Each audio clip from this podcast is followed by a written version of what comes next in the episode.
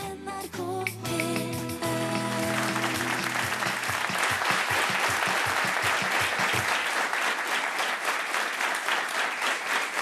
Tusen takk. Tusen takk. Lyden av rytmeboks og applaus er lyden av utakt som sender live fra jazzscenen Spor 5 i Stavanger med 200 utakttilhengere i salen. Dette er rørende, Skjæveland. Det er det absolutt. Og det som kanskje er mest rørende, at det har kommet folk fra nord til sør, fra øst eh, til vest. Veldig spesielt. Og til deg som hører på, som ikke er i salen nå, du kan enten velge å høre på radio, eller så kan du gå inn på internettet, og så kan du få se det som foregår fra scenen her. NRK.no streamer hele seansen, så dette kan fort bli kjekt. Men jeg tenker, Skjæveland, for at dette skal bli trygt, og det skal bli sånn som det pleier å gjøre, så må vi begynne sånn som vi alltid gjør. Ja, det må vi. Vi må begynne med hattevitsen. Ja. Hattevitsen har starta hvert eneste uttaksprogram i, i flere år nå. Men i kveld skal vi ikke lese den sjøl. vi har fått med oss en kar som er veldig god på hattevitser og andre vitser. Ja, Han er fysioterapeut. Ta imot Walter Søyland.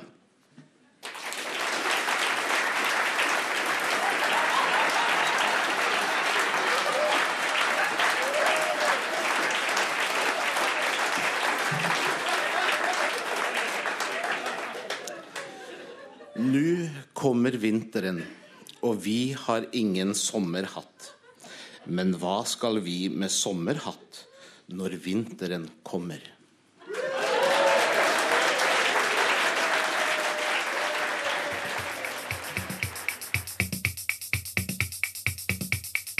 Johnny, Don't Stop Believing, den kunne vært med i Puddelrockfestivalen. Den kunne vært med på Puddelrock-festivalen, og det er litt løye fordi at han ble egentlig stor hit i 2007, tror jeg, og han ble gitt ut på 80-tallet. Så det jo tok litt tid. Gjorde det. Du hører Utakt i NRK P1, og vi sender direkte fra scene i Stavanger med masse folk i salen, og vi har det veldig trivelig. Og vi er jo her i kveld for å feire det som ingen trodde skulle være mulig, men som ble mulig. Ja, Den største bokrevolusjonen siden Gutenberg, vil vi si. Eh, Gutenberg han eh, hadde jo da eh, effektivisert bokskrivinga noe aldeles med å gjøre sånn at folk satt og, altså de, de slapp å sitte og skrive for hånd, så trykte han det. Vi har jo faktisk gjort det sånn at folk slipper å skrive i det hele tatt. Ja. Det begynte som en idé i Utakt for et års tid siden. Vi snakket hvorfor må alt være så forutbestemt? Ja, Hvorfor må du skrive bok i akkurat den samme rekkefølgen hele, hele, hele veien? Hvorfor kan du ikke snu på det? Hvorfor kan du ikke sette deg inn i et radiostudio for eksempel, og dikte?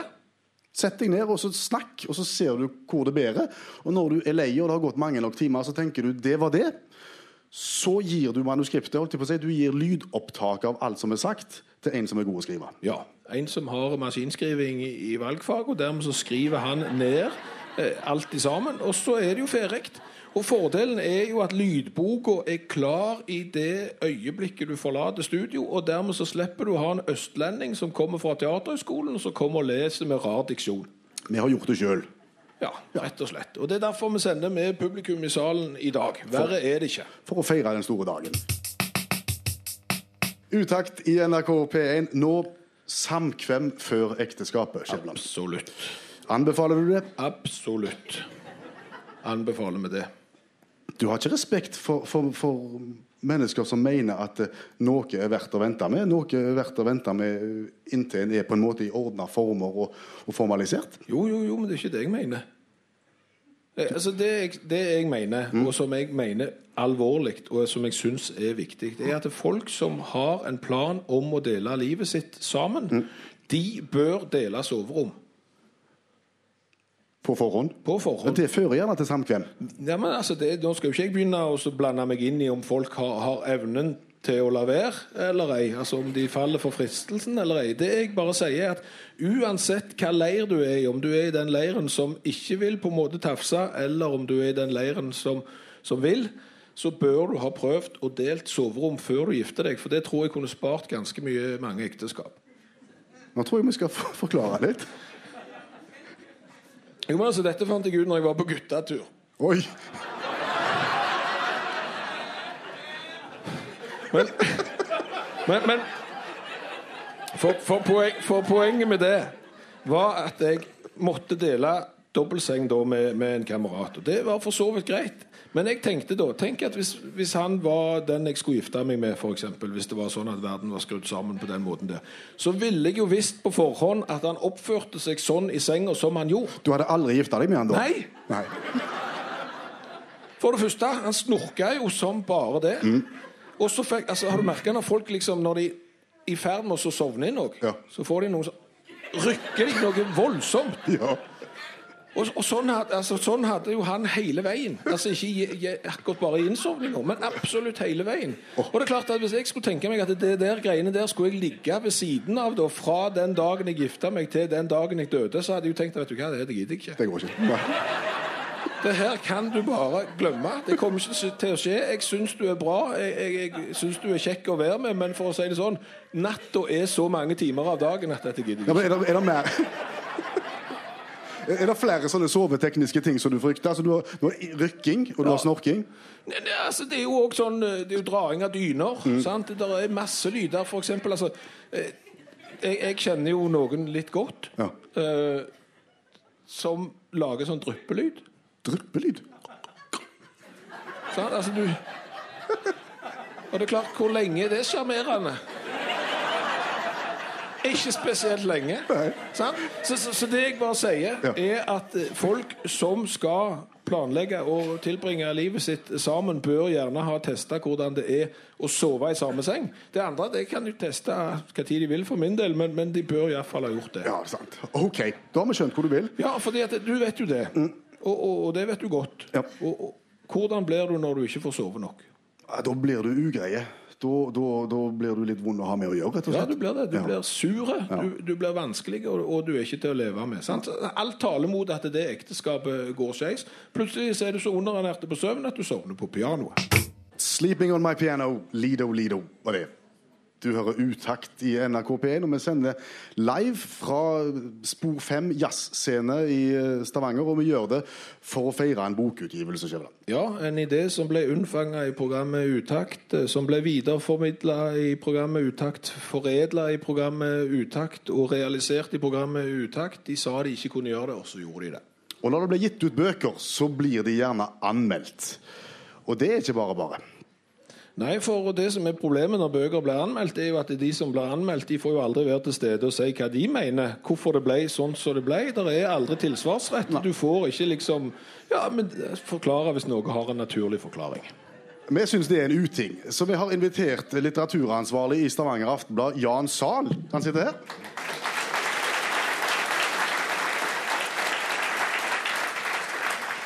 Som skal få lov til å si hva han syns om boka vår, eh, men vi forbeholder oss retten til å være uenige.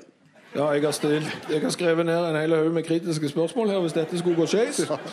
Og det dere skal vite, at det som Jan nå sier, det, det, vi aner ingenting om hva han, har, hva han har tenkt og hva han vil si. Vi har prøvd å lure ut av han litt, men han har vært stengt. Så vi aner ikke. Men herr Zahl, første inntrykk av eh, verket etter det vi har grunn til å tro? Det ligger veldig godt i hånda. Det er, jeg registrerer at det er stive permer, og at det er både tekst og bilde inni. Sånn sett så ligner det jo på ei bok. Nå var det jo inne på Gutenberg sjøl. Eh, sånn at for rundt sånn 1450, midt på 1450-tallet så har en jo altså gitt ut bøker på den vanlige måten som dere da er kritiske til. Og så har dere lagd deres egen versjon. Eh, dere er på en måte funnet opp glidelåsen innenfor bokbransjen. da, Altså en helt annen måte å gjøre det på.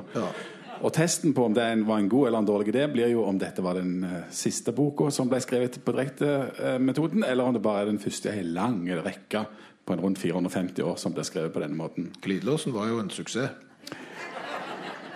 Ja, jeg vet at, vet at den var en suksess. Så begynte de med knapp igjen. Etter glidelåsen. Dette er dere jo inne på i boka. Der finnes, jeg vil argumentere for at det fins en del fordeler med den vanlige måten å gi ut bøker på. Du må altså ha en idé, og så må du jobbe en stund med den ideen. Og det som er fordelen med å gjøre det på den vanlige måten, er at du fjerner de dårligste ideene.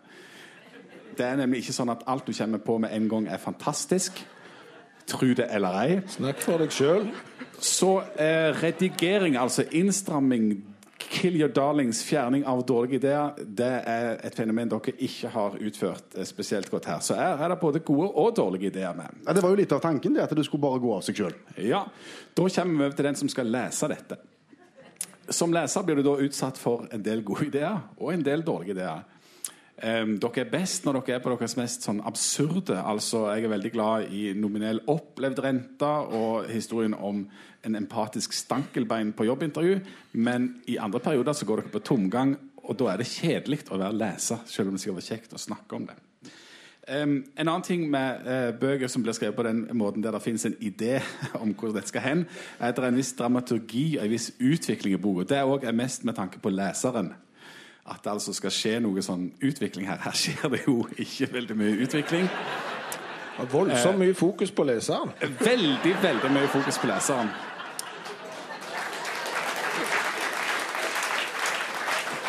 Og så er det også sånn at vanlige bøker blir korrekturlest noe durabelig. Da fjerner en en del graps i språket. Dere to og han som har ført dette i pennen, må iallfall ta en runde på dette med da og når. Ja, det, Ja, altså, Det er jo ikke vi som har skrevet den. Jeg vet ikke om dette er et Jeg vil jo si at Det du egentlig kritiserer nå, det er jo ikke oss som skribenter. Du kritiserer jo det norske skoleverket. Det er jo tross alt en allmennlærer som har ført i pennen. Hva forteller det? Det forteller vel om et skoleverk i krise, men Ja. nå skal jo det satses på. Og det skal jo ikke gå ut over Ja. oss. En annen ting er jo at dette verket består da altså av eh, ikke mindre enn og jeg har telt 80 bilder av to menn i sin beste alder som ikke har barbert seg den dagen, og som sitter inne i et studio. Er det mye, det? Det er relativt mye.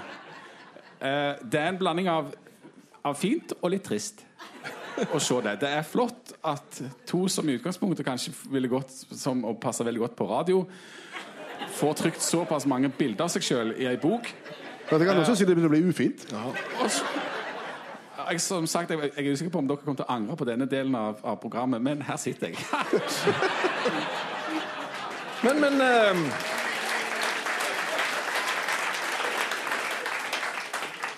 hva- Hva er den typiske styrken med denne boka?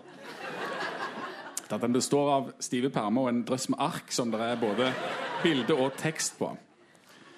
Ja, Det var et godt og konsist svar. Det var et veldig godt konsist. Så vi får ingenting for på en måte innovasjonen her og så ideen om å gjøre noe annerledes. Altså Sånn sett så ser det jo veldig konvensjonelt ut, da, for det ligner jo bare på en vanlig bok. Og så begynner du å lese, og så ser du at det har noen styrker, og så har det en del svakheter som en vanlig bok ikke ville hatt.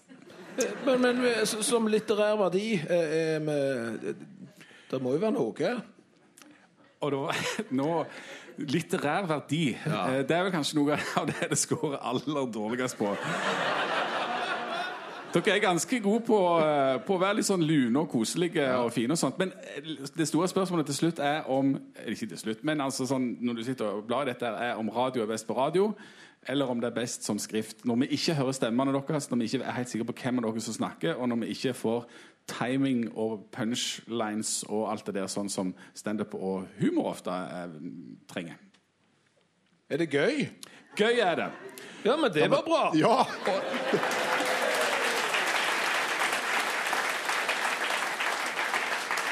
Da siterer vi Stavanger Aftenblad bak på boka og skriver 'Dette var gøy'. Ja. Det høres ut som den måten en vanligvis pleier å bruke anmeldere. Anmelderen kan si hva de vil, men en klarer ikke å plukke ut noen ord så det hørtes kjempebra ut. Men hvis du skulle teste, kaste terningen her, da eh, Er det nødvendig? hvor, hvor hadde den eh, havna? Som, som konvensjonelle bok så eh, tror jeg at hvis jeg er litt grei, så skal jeg gi dere en trier. Men, Det er bra. Ja, det er bra. Det er sånn midt på tre. Det er bra. det er den Ja, første det er boka. bra. Det er veldig Ja. bra. Men altså, hvis, hvis en skal bedømme det som verdens første direktebok Selv om jeg er faktisk usikker på om det er det òg, for det fins en litterær tradisjon som heter Stream of Consciousness, der du bare skriver ned der du, så ramler deg inn. Ja, det er gøy. James Joyce brukte de i Ulysses. Men hvis du skal god, bedømme det som verdens første direktebok, så, første direktebok, så vil jeg kanskje si at dette er rett og slett en MTG. En MTG, ja. MTG er jo faktisk Det går an å leve med det. Det bør dere kunne leve ganske godt med. Ja. Tusen takk skal du ha, Jan Sahl. Kjekt du kom.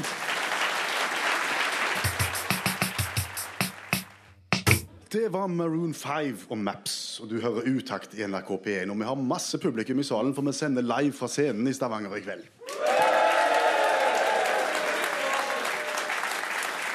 Og nå skal vi drive voksenopplæring eh, samtidig som vi skal sette fokus på en veldig vanskelig ting.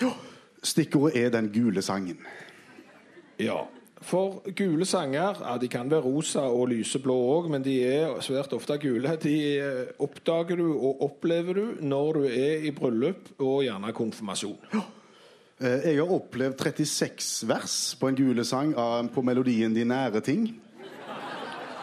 Det er ganske mye, for det er en sein sang. Ja, og Når du runder vers 21, da, og du vet at du har 15-16 vers igjen, så er det ganske tungt. Ja. Men, men det er gjerne ikke det største problemet med gule sanger. Det er ikke antall vers. Eh, problemet med gule sanger er at eh, de er bare rytmisk og rimmessig rette inni hodet til den som har skrevet dem.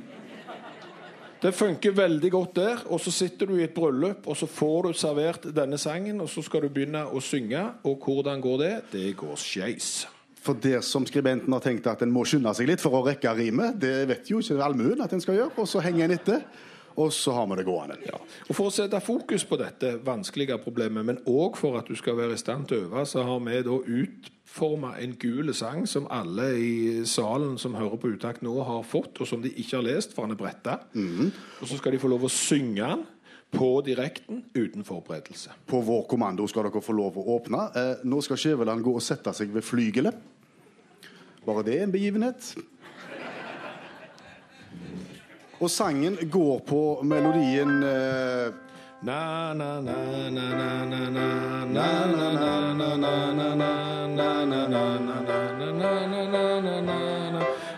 og, alle gule sanger går jo på den. Ja. De som ikke går på de nære ting. Ja, men, men, men eh, det er denne melodien her som gjelder i, i alle gule sanger. Og, og da er vi vel egentlig klar altså, til dette nybrottsarbeidet. Ja, så jeg, Hvis jeg teller ned, så åpner dere opp, og så begynner Skjæveland på forspillet, og så tar vi den gule sangen på direkten, alle i hopa. Er vi klare for det? Tre, to, én, åpne. Kjære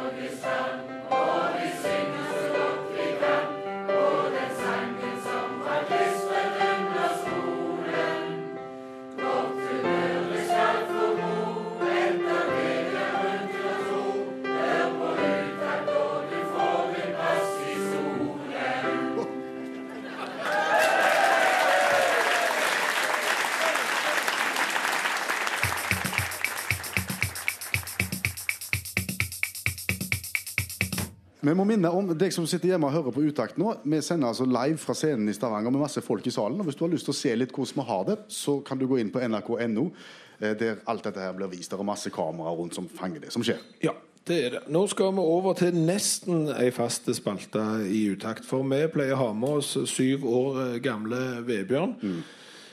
Han pleier da å gi råd til utakt sine lyttere med alt de sliter med.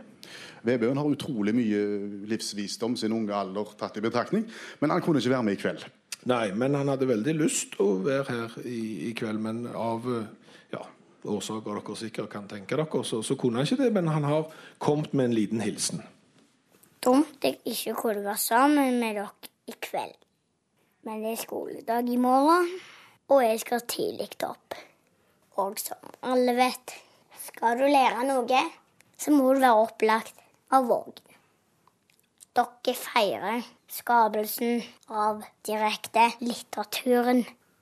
Og jeg gratulerer med evnen til å tenke nytt. Dere skal ha all mulig skryt for å ha tenkt annerledes.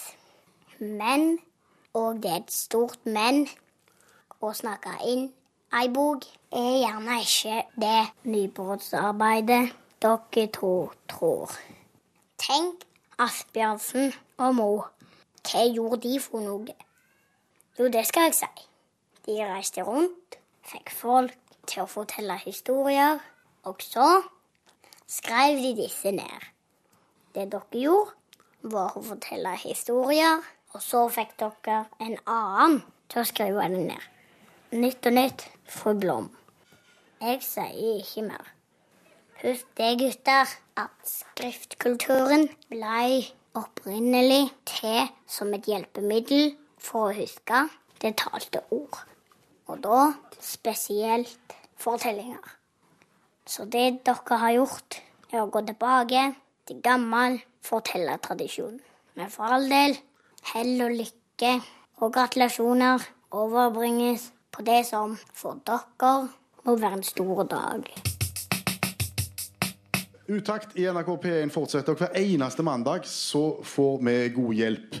Når det er ting vi ikke vet, når vi, når vi står fast, når vi trenger inspirasjon, så kaller vi inn allmennlærer med to vekt all musikk, Olav Hove.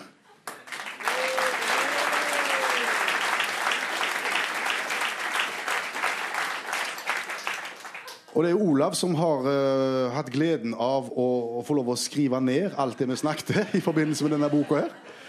Eh, jeg må spørre deg, Olav, innledningsvis, hvordan, føles det å, å ha vært en del av et såpass unikt prosjekt? Eh, altså, det er ikke så unikt.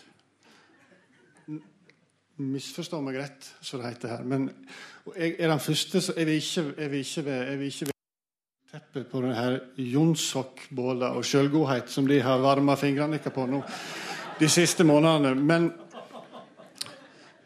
kan jeg fortelle en historie? Vær så god. De pleier å være gode. Jeg vil fortelle en historie om to menn, to menn som ville gjøre bokbransjen. To menn som ville gjøre det å skrive bøker enklere, lettere, billigere og nyere.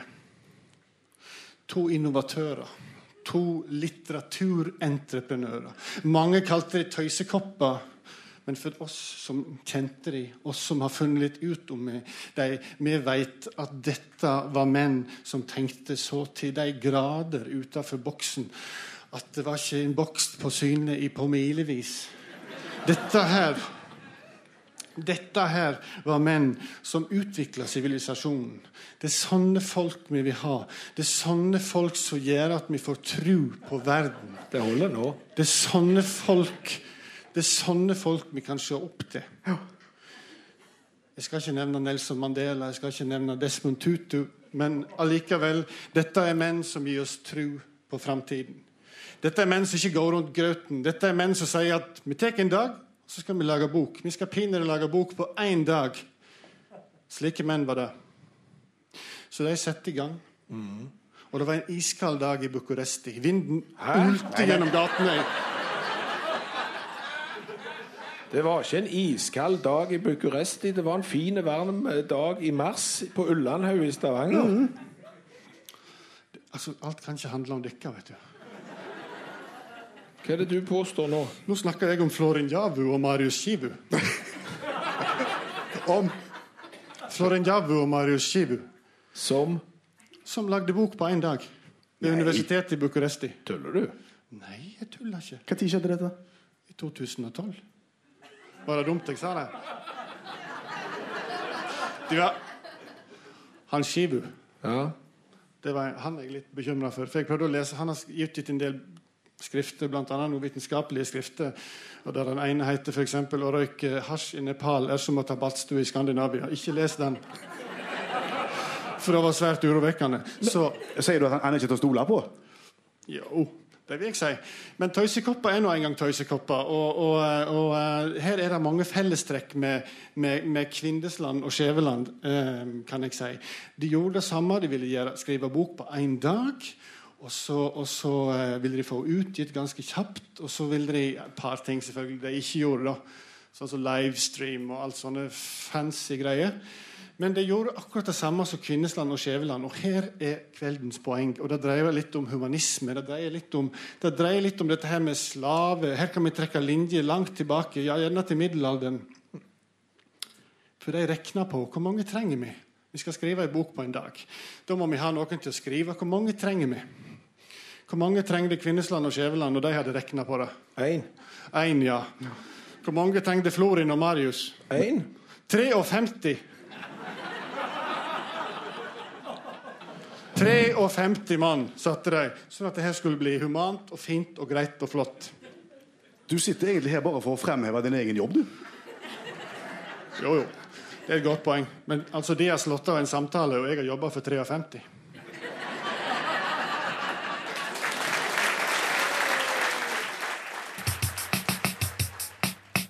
Nå skal vi konkurrere. Men siden vi sender direkte live fra scenen i Stavanger med masse publikum i salen, så må vi gjøre dette her litt annerledes enn vi pleier å gjøre i utakt. Ja, Vi pleier jo å ha det sånn at eh, når kandidaten som er med, svarer rett, så har vi en liten sånn en gladjodling. Den har vi droppet i dag, for vi tenkte at publikum kunne få jodle litt på en glad måte. Ja. Skal vi øve litt med publikum på det? Vi kanskje? kan gjøre det. Kan vi få høre gladjodling på én, to, nå? Ikke verst. Kjempe det. Og, og svarer kandidaten feil, så er det jo da tristjodlingen som kommer. Kunne vi bedt om litt tristjodling også? Det hørtes mer ut som et sukk. Jadla lau hei. Ja. Jadla lau hei. Men da, da har man inne, sånn omtrent. Og spørsmålene og, og, og konkurransekonseptet det er jo basert på Peter Nødts store spørrebok for barn, eh, 1975, i sennepsgul utgave. Ja. Den er veldig bra. Mm. Dette er kunnskap som ungdom burde ha i 1975, og, og dermed burde være allment den dag i dag. Og Vanligvis så, så ringer alle som hører på Utakt inn, og så har de lyst til å melde seg på konkurransen. Og så plukker vi ut en som får være med. I kveld så har vi plukket ut ei dame som er i publikum her hos oss i kveld. Og vi har plukket ut hun som har reist lengst for å komme hit. Ja, vi har plukket ut fra øverste hylle, rett og slett. Fordi vi har plukket ut Tanja Midthun fordi at hun og mannen Ragnar, kjæresten da, de har hørt på utakt fra dag én og tatt den hele lange turen fra Halsa, som er Først kjører du to og en halv time til Bodø, så flyr du fra Bodø, og så kommer du til Stavanger eh, til slutt. Og det er så rørende at eh, da må du bare være med i konkurransen.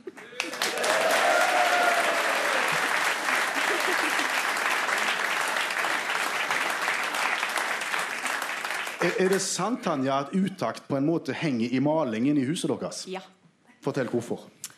Aldri mala så mye mal panel så fort som da vi sto på kjøkkenet i Råbygget og mala panel mens vi hørte på dere. Og da hadde vi nettopp begynt. Ja, det var før dere var blitt uh, utakt. Stuerein på mandagene på nasjonalt radio. Da var dere vikar i påsken 2011. Og resten er historie. Ja. Og, og huset er blitt fint. Å, nydelig. Ja, Ja. Veldig bra. Hva forhold har du til 1975?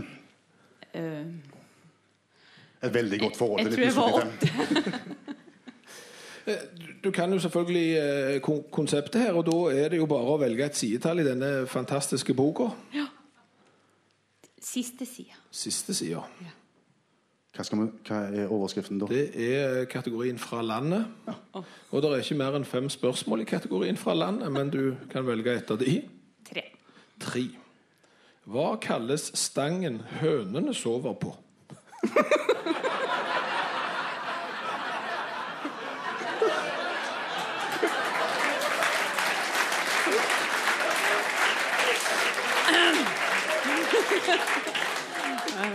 Var det nå vi skulle tilbake til konseptet ditt med samkvem før ekteskap? Det var dine ord, Tanja. Jeg tror det heter vagle eller noe sånt. Og der fikk vi gladjodling fra salen. Ja, det er aldri Nei. Det var kunnskap som var langt over min. Det er 1-0 til Tanja. Ja, det er det. Eh, da må vi gå videre til et annet Ja, sidetall. ehm, 14. 14. Eh, Når du er på quiz, sånn som du jo alltid er på radioen, eh, hva pleier å være favorittema, liksom? Har aldri vært på quiz. Nei, der ser du. Da kjører vi om og omkring kunst og kunstnere. 14 spørsmål. Hurra. Hvilket spørsmål skal vi ta? Siste. Siste. Ja. Hvilket yrke har Jan Crosby? Må ikke forveksles med Bing. Må heller ikke forveksles med Stein. Nei. Stein Crosby han gikk på Skeiser, og, og det var vel noe snakk om Guljajev, hvis vi husker rett. Nå må ikke du forstyrre. Nei, Jan Crosby og Crosby Jeg syns det var et veldig godt forslag. Jan Crosby og Crosby staves CRO. Altså Det er skikkelig internasjonal schwung over han Jan. Hva gjorde han på noe? Mala noe, kanskje? Det kan han godt ha gjort, men han gjorde ikke det. Nei. Nei. Nei. Han sa gjerne noe som begynte på Sim og slutta på Bim. Og var han tryllekunstner? Det var veldig hjelping, da. Ja. Egentlig så burde du fått Men vi sier 2-0 til Tanja. ja, ja, vi sier det. Vi er romslige i dag. Ja. Eh, siste spørsmål. Tre. Tre. Da er vi på innholdsfortegnelsen. Så det går ikke. Ja, det var det jeg skulle Du ville det, Du du? vil ha spørsmål for Nei, nei, nei. nei.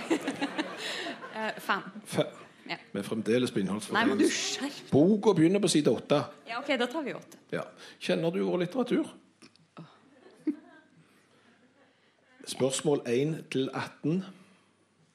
13. 13. Hvem har skrevet diktet som begynner slik?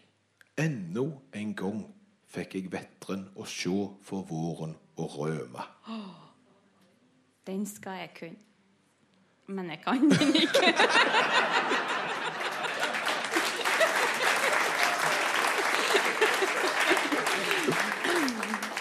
Jeg begynte i første klassen året etter, tror jeg. Ok. Enda en gang Du følte du fikk den der? Enda en gang. Vettren å se for våren og rømme. Coming to a cinema near you. Ja. Nei, men ingen, ingen forslag? Nei. Skal vi bare Ja. Er det salen som, som klarer å løse denne? Vi har jo bl.a. Eh, sterk bibliotekartilstedeværelse i dag. Rikard Nordrock er feil. Garborg er feil. Vinje er nevnt. Vinje er rett. Åsmund Olavsson Vinje. Da går det T-skjorte ut i salen, og T-skjorta går òg til Tanja, selvfølgelig. Når reiser dere tilbake til Nord-Norge? Morgen det er meldt storm, så det blir hard landing. God tur, og tusen takk for at du kom. Hils mannen.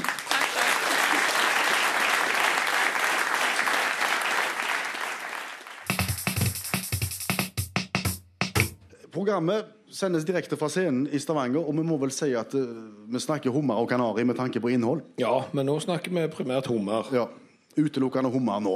Ja, eh, fordi at eh, hvis du er hummer, hva blir du kalt da?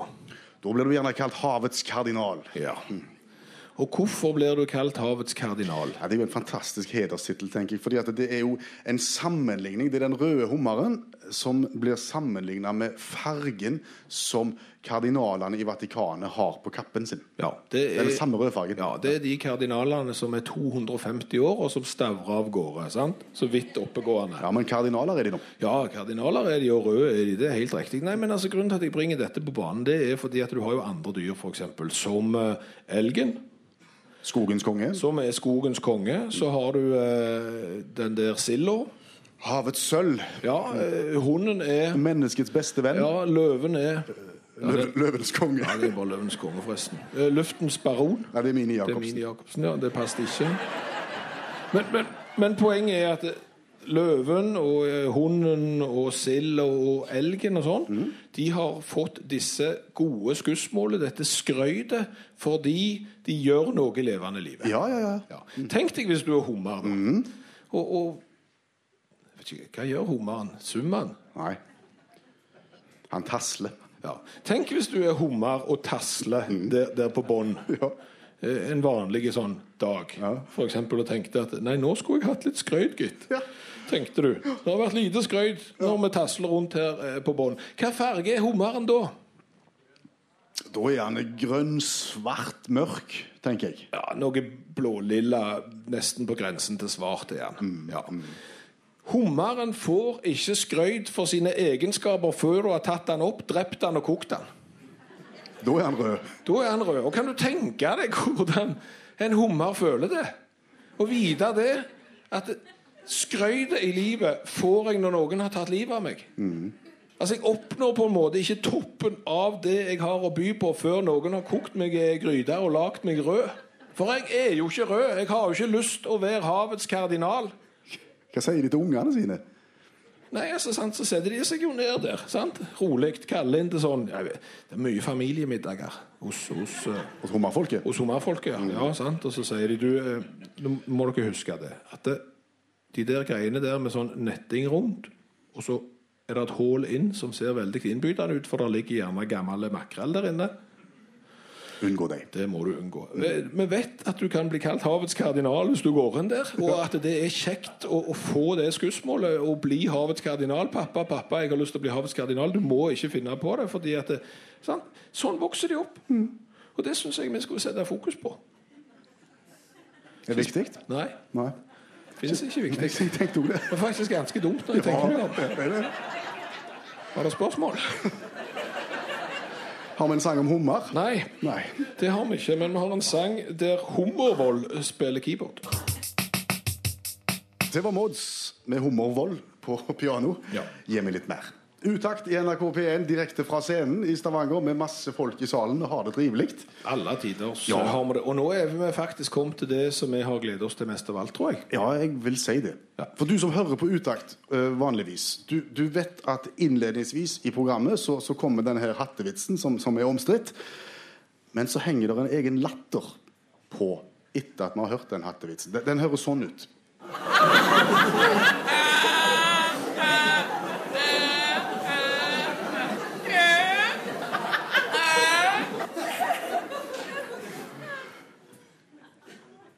Og det er ikke tilfeldig at damen som sitter på scenen med oss, sammen med oss her nå, sitter her akkurat nå, fordi at Siv Barbro Fiskåen er damen med stemmen og latteren.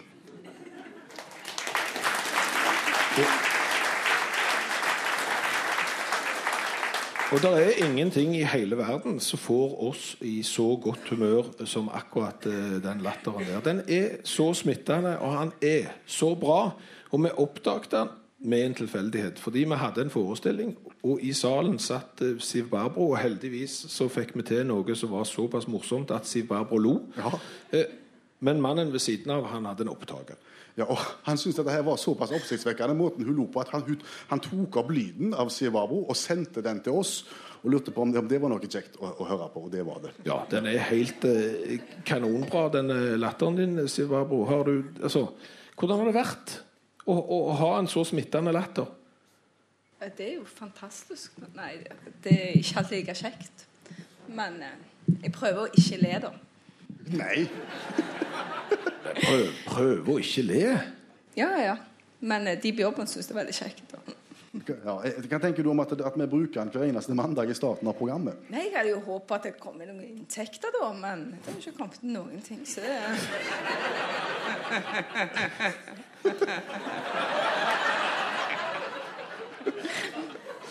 Ja.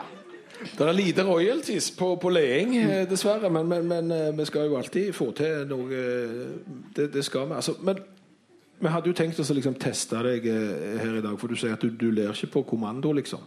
Vi opererer ikke med det. Derfor er det liksom feil med de hattevitsene, for de ler jeg ikke av. Og så pleier jeg å le der folk ikke ler.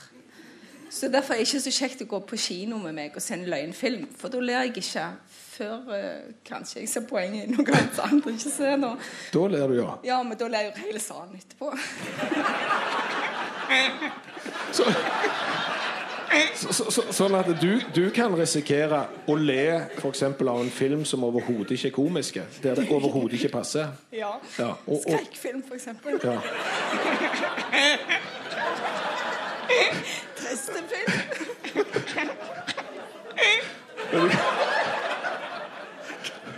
Det, det måtte jo vært en drøm. Ja. Hva, hva sier mannen? Når du Ja, liksom under tid for ømhet der, han, han, han syns det er et hekk. Nå var vi på julebord her han er i fjor, og da hadde Dag Skreiner var standup. Og han nettopp begynt her. Og jeg begynte å le, og så kom foten under bordet. Bang! Ikke leggen. Så sa han sånn til meg Du må huske på at jeg er ny her. Jeg vil ikke være han der med huda med den rare latteren. Så nei, det er ikke så lett alltid å være han. Verken han eller de andre Så jeg sa til dere i sted. Så de sa 'hvorfor intervjue deg'? De burde jo intervjue oss, sa dattera mi. Det er jo vi som må leve med den latteren. De pårørende, rett og slett. Ja, våre Ja. tanker går til de pårørende i kveld. Ja. Men, men, men Sivaro, altså, du ler ikke på kommando, sier du, men det hadde vært gyselig kjekt å høre latteren din allikevel. Så jeg vet ikke, men Vitser fra, fra vitseboken 'NM i humor', kunne det, tror du det er god? Jeg vet ikke, de må være grove nok. Ja, vi, vi kan prøve. Kunne- vi fått inn, kunne vi fått inn eh, Ja, vi skulle fått inn en som kunne en som lese. kunne litt Eh. Fysioterapeuten, kan du lese en vits?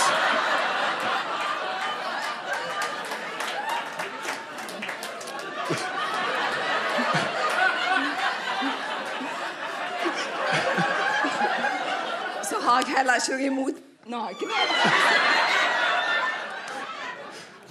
Da eh, tester vi med en vits fra Norges morsomste vitser-boka. Sug. Fireåringen sugde på fingeren både sent og tidlig. Til slutt sa moren til ham at dersom han ikke sluttet med det, kom han til å bli like tykk som onkelen. Så en dag var den lille gutten med moren sin på bussen til byen. På et stoppested kom det på en tydelig gravid dame. Da fireåringen fikk se henne, ropte han. Å, jeg vet nok hva du har gjort. Er det ikke godt, vel? Det var skuffende, Søyland. Nå var du ikke løyen, Søyland. Nei. Nei, nei. Sånn er det. Du får ikke alltid det du bestiller. nei, du gjør ikke det. Men royalties skal vi, skal vi se om ikke vi klarer oss å ordne med. Tusen, tusen takk for at du eh, stilte opp. Og, og, og eh, så skal vi se om vi ikke kan få deg til å le i løpet av det siste halvtimen av eh, utakt, i hvert fall. Jeg tror nok noen allerede har hørt meg. Jeg, jeg,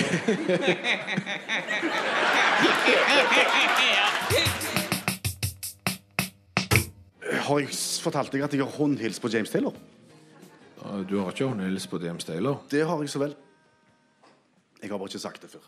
Men det var James Taylor med Your Smiling Face. Utakt i NRK P1. Eh, sjansebillett har vi skrevet som overskrift på neste innslag. Sjansebilletten, hva var det for noe? Sjansebilletten, eller standby-billetten, som eh, kanskje noen husker, det var den flybilletten der du kjøpte deg en plass på et fly som det egentlig ikke var plass på. Eh, Så møtte du opp, og så satsa du på at det var plass allikevel, og så ble du med. Ja. Jeg husker jo, vi- vi brukte det mye, dette her, og jeg har vel til gode å ikke få plass. Du hadde sjanse på dette, og som regel så fikk du lurt deg med. Ja, og det er jo genialt. Fordi at hvis du er ute og flyr nå, så ser du gjerne det at det er ikke fullt på flyet. Og Hvis du følger prisutviklinga, så er det jo sånn at hvis du kjøper fire år før du skal på sydentur, f.eks., så er det ganske billig. Eh, og så blir det gjerne litt dyrere, og rett før, et par dager før, så blir det steindyrt å fly. Og for da tenker flyselskapet visstnok sånn at hvis jeg må reise nå, så er jeg villig til å betale for det. Eller f.eks. at du har mista det. Det er jo egentlig bare å si at vet du hva, jeg klarte ikke å komme meg opp den morgenen jeg skulle hjem, så jeg ble med et senere fly. ja. Og dermed så betaler du mye penger. Og hvis du da sitter i et fly og ser hvor mange ledige seter det er, så er det jo helt idiot at de ikke har sjansebillett lenger. Av alle dere som sitter i salen og hører på oss nå, hvor mange har brukt sjansebillett i løpet av livet? Ja, Ja, det var nesten alle. Ja, det er veldig, veldig mange. Har dere savna det? Ja. Nå håper jeg at Bjørn Kjos og, og de andre som driver sånn flyselskap, hørte dette her. fordi at vi vil jo ha sjansebilletten tilbake igjen. En mer genial idé fins jo overhodet ikke. Jeg, jeg bare tenker at jeg vil tro at det er økonomer og det er mennesker som har tenkt også i disse flyselskapene. De, de, de kan tenke hvor mye de vil, Per Øystein, men tenk deg det. altså Du skal lage eksempel et CO2-regnskap, du skal lage et regnskap for alt. Er det billigere å fly med noen i et sete som har betalt 400-700 kroner for det setet, eller er det, eller er det dyrere å fly med det tomt? Det er et godt spørsmål, Ja. men jeg tenker de, de drar inn ganske mye penger på de som er villige til å betale gyselig mye rett før òg. Nå datt jeg av. De som du snakket om. Ja, De som, eh, som må hjem. Ja, Som må betale 7000 kroner for en tur hjem fra Memphis for eksempel, fordi at de har forsovet seg. Som vi vet en har gjort. Eh, Det ble dyrt. Det ble kjempe Det ble dyrt, det. Men, men hva var poenget ditt, da? Nei, jeg vet ikke. Jeg datt litt av sjøl. Ja. Men, men jeg, jeg, jeg, tenker de har tenkt. Fordi at de gjør ikke dette her for gøy. Og hvis at de hadde tjent penger på sjansebilletten, så hadde de hatt de. Så du mener at det er bedre at én betaler like mye som 15? Sjansebilletter, f.eks. Nå må du holde tunga i rett munn. At 15 enn at 15 betaler mindre enn han ene til sammen. Ja, hvis du sier det sånn, så er det sikkert sånn. Faktisk ganske lurt. Ja. Og ikke har sjanse? Når folk er villige til å betale så mye penger for et CD, så er det veldig lurt å ikke ha sjansebillett, faktisk. Men miljø? Blir ikke bedre heller, ser du. Nei. Altså Flyet forurenser like mye om det er folk om bord eller ei. Og hvis bare én er villig til Vet du hva, Det er kjempegenialt det der, og så har det sånn at, du tar, at folk betaler kjempemye. Har vi gått i ring nå? Ja. Ja. Så vi gir oss, da. Det var et fryktelig dårlig argument som endte veldig dårlig. Har vi en sang og sjanse? Ja, ja. Og nå på scenen sitter allmennlærer Olav Hove. Han har to vekttall i musikk. Han har bedt om å få si noen ord, for han kom litt skjevt ut i første time av programmet, syns han. Ja. Altså, det er TV på bakrommet her. Og, så, og jeg satt og så på uh, dette her Brennpunkt. Og han der Håkon Haugsbø altså, han påvirka meg litt. Så det punkt utakt. Så jeg beklager det at jeg ble litt, var litt kritisk. Ja, Du var litt, du var litt negativ Ja. til bokutgivelsen vår. Ja, jeg var det, altså. Og jeg, eh, jeg legger meg flatt. og Jeg tar avstand fra egne handlinger og reagerer med Sjokk og vantro. sjokk og vantro. Alt det der. Uh, Så jeg tenker jeg skal være litt konstruktiv og skal heller ta veien videre. Ja. Ja, for at nå det her verdensberømte stuntdrikka, så tenker jeg de skal sikkert gjøre flere verdensberømte ting, og der er det en del fallgruver. Én. Punkt én når vi skal til Kroatia i 2011, og en haug med ungdommer som tenkte vi har lyst til å komme i Guinness rekordbok. Hvor Kjekt. Ingenting som er kjekkere enn det. Ja, og så er det litt det samme som Kvinnesland og Skjæveland skal skrive bok. Hvor lite energi kan vi bruke? Og, og da Nå, nå begynner han igjen. Ja, er beklager. Legger meg flatt. Ja. Eh, men uansett, så tenkte jeg at vi tar en kjapp brainstorming. Og så er det dette her med nei-folk på brainstorminga. Sant? Det er for lite av det. Så fant jeg ut at vi tar- vi tar flest folk med smurfekostyme og sminke. Det går fint. Så vi ringer Guinness rekordbok og sier at hallo, det her er fra eh, Dubrovnik. Eh, vi vil gjerne sette verdensrekord i antall personer samla med smurfekostyme. Ja, det er vel for så vidt eh, det verden har skreket i, i tiår. Det er jo en sånn rekord. rekord. Det dekket behov, ja. Ikke sant? Og så eh, sa Guinness rekordbok kjekt. Vi kommer med, det går bra. Samla alt dette her, og alt så fint ut. Og så sa Guinness rekordbok da, la oss kalle han Jack, hvor, hvor mange er de? Jo, vi er 396. Ja, I, i smurfekostyme. ja mange det. Det er mange, det. Så da sa Jack OK, eh, gratulerer med andreplass. Verdensrekorden er 351, nei, 451. Så første fallgruva. Skal de sette verdensrekord, sjekk hva verdensrekorden er først. Ja. Før en begynner å styre. Noterer du, Kjell? det er, Ja, ja, ja, ja. Uh, punkt to. Punkt to, og vi skal til Russland, og vi skal til den eh, flotte soldaten Agashi Vartanjan. Han eh, tenkte at jeg skal sette verdensrekord, og jeg skal faste lengst i verden. Gandhi er en pudding. Så eh, han skulle gjøre det. Altså, altså ikke spise og drikke? Bare, er det bare å drikke? Må drikke. Drikke vann? Ja, må drikke vann. Ja. Rigga seg til med vann og fikk sånn snase, sånn glassbur som han satt i. Og begynte å faste. Hadde litt lite klær, litt Walter, og ikke så mye å tære på. Så han satt der og kokkelurte. Men, eh, men åt ikke. Nei. Tok ikke til seg næring i det hele tatt. Og så etter 38 dager så var det en journalist der fra, fra Pravda, sikkert, som rekte opp hånda og sa du, eh, om du har avklart det her med Guinness rekordbok Nei, nei, nei, det gjør jeg etterpå, sa, sa, sa Agassi. Sikkert litt trøtt når han sa det. Ja, Nei, det ja, gjør han var ikke entusiastisk. Nei. Men, sa han i Pravda, jeg tror egentlig du burde avklart det på forhånd. Fordi Dine skal gjerne være til stede når en begynner, ja. Ja. Så etter 38 dager da, så tok Agassi eh, flere kilo lettere og ga opp det der greiene der. Så punkt to ha papirarbeid i orden. Da, Ja. sjekker, vi, da sjekker vi om, om hva rekorden er, og så har vi papirarbeidet i orden. Og så er det én ting til vi skal tenke på. kanskje det viktigste. Vi skal til Rotterdam og vi skal til Domino, og her er jo det kjipe greier. Tenk dere det lokale her, og tenk dere bare Domino. Tenk dere fire millioner dominobrikker som det tar 15 sekunder å legge ned hver. Det er en haug med sekunder. Ja. Ser du altså sånn domino som raser i, i formasjon nå? Yes, Verdensrekord. Livestreama akkurat så utakt. Alt stilt inn. Alt tima og tilrettelagt. Verdensrekord i antall dominovelting, et eller annet. Guinness rekordbok var der, og da skulle det en spektakulær start for å få tak i en sånn eh, krypskyttertype som skulle skyte midt i, slik at det her ble en mosaikk av domino som flaut utover til denne verdensrekorden i Rotterdam. Akkurat så her var litt varmt, sier han ene. Hank, heter han. Fan, Fanderdome? Ja. Du skulle ikke lufte litt? Uh, nei, nei, vi skal ikke lufte litt, for da er det vind, og så er det et helsikens baluba. Ja, men Lufte litt. Ja, ok, lite grann, men da skal vi ha bitte litt gjennomtrekk. Så det gikk fint. Det er helt greit, og alt skulle starte. Og så har den her flander, flanderske, stripete gullspurven her jeg var borti den. Sniker seg inn overalt. Så her kommer det en flandersk, stripete gullspurv inn i lokalet og flakser over dominoene. Og Da blir det tiden står stille, og jeg tenker at eh, heldigvis Hvor tung er en sånn fugl? Ni gram hvis de er på sokkelesten, men det er de fullvoksne. Jo, jo. Det kan vi leve med. Så gullspurven kjenner på varmen og tenker at her kan ikke jeg flyge rundt, så jeg setter meg her. Og dermed Ja, de er jo ganske lette, så han velta jo ikke alt. Han velta bare 25 000 eh, dominobrikker. Men for han tassen som skulle skyte det i gang, han ble såpass ilter, for han hadde brukt 15 sekunder på hver av disse her, at han skjøt sporven. Er ikke det greit? Jo, med en liten hake med det, for denne stripete flanderske gullspurven er rett og slett freda.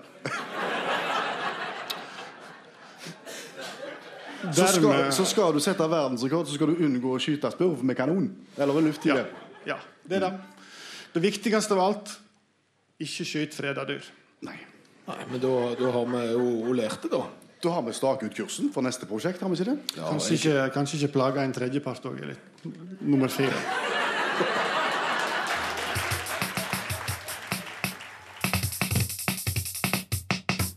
Englishman in New York. Sting, var det en flott sang? Kjempe. Hadde det ikke vært for saksofonen på slutten. Ja.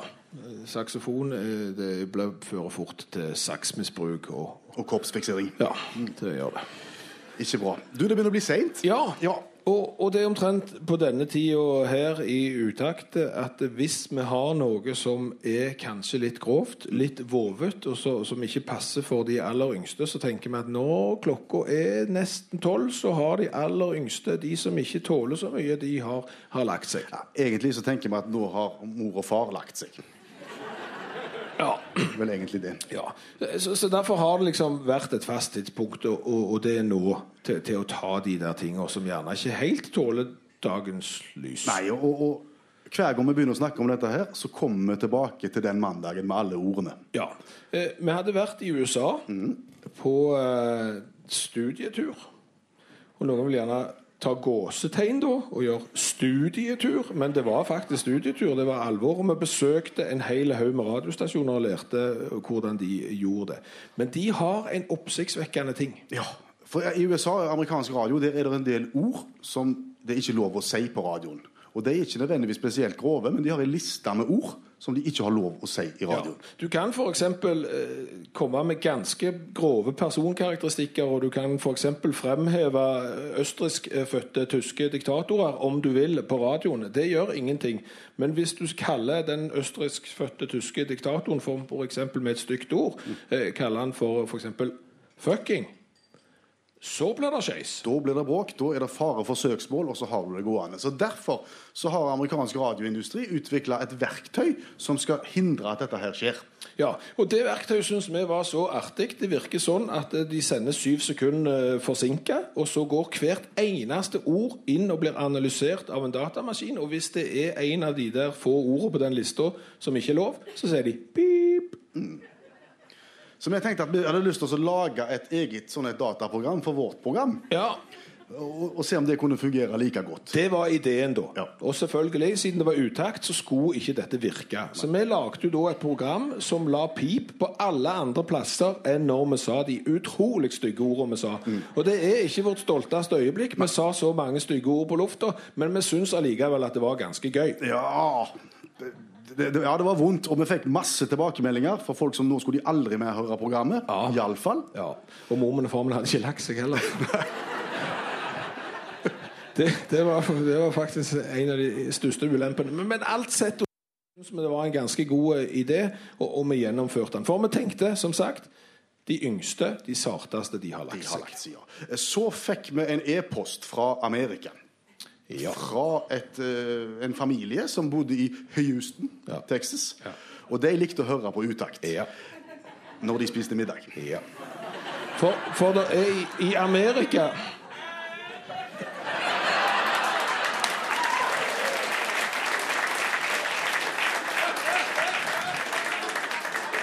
For i Amerika så har de noe som vi ikke har i Norge, som heter tidsforskjell. Ja.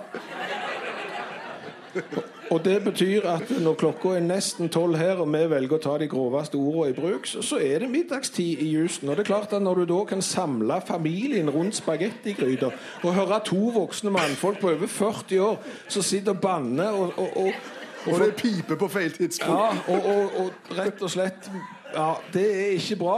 Så derfor så har vi lært at det skal vi faen ikke si i dag. Fy! Jeg, jeg beklager. Det var et forsøk. Men, men sånn var det, altså. Så nå har vi slutta med det. Ja. Nå, nå skal vi gå en mye beinere vei. Vi skal Den smale veien vei skal vi gå. Den skal vi gå. Og dermed, dere, alle i salen, og dere som sitter der hjemme og hører på, Utakt-kvelden er i ferd med å ebbe ut. Vi må si tusen takk til alle som har møtt opp i Stavanger. Så vi får gi en god applaus til alle sammen? Tusen takk.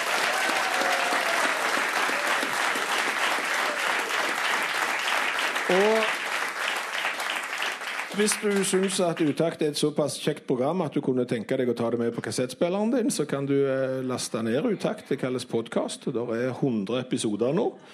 Så gikk jo den dagen òg. Ja, det Podkast av programmet foreligger i morgen. Hør flere podkaster på nrk.no podkast. NRK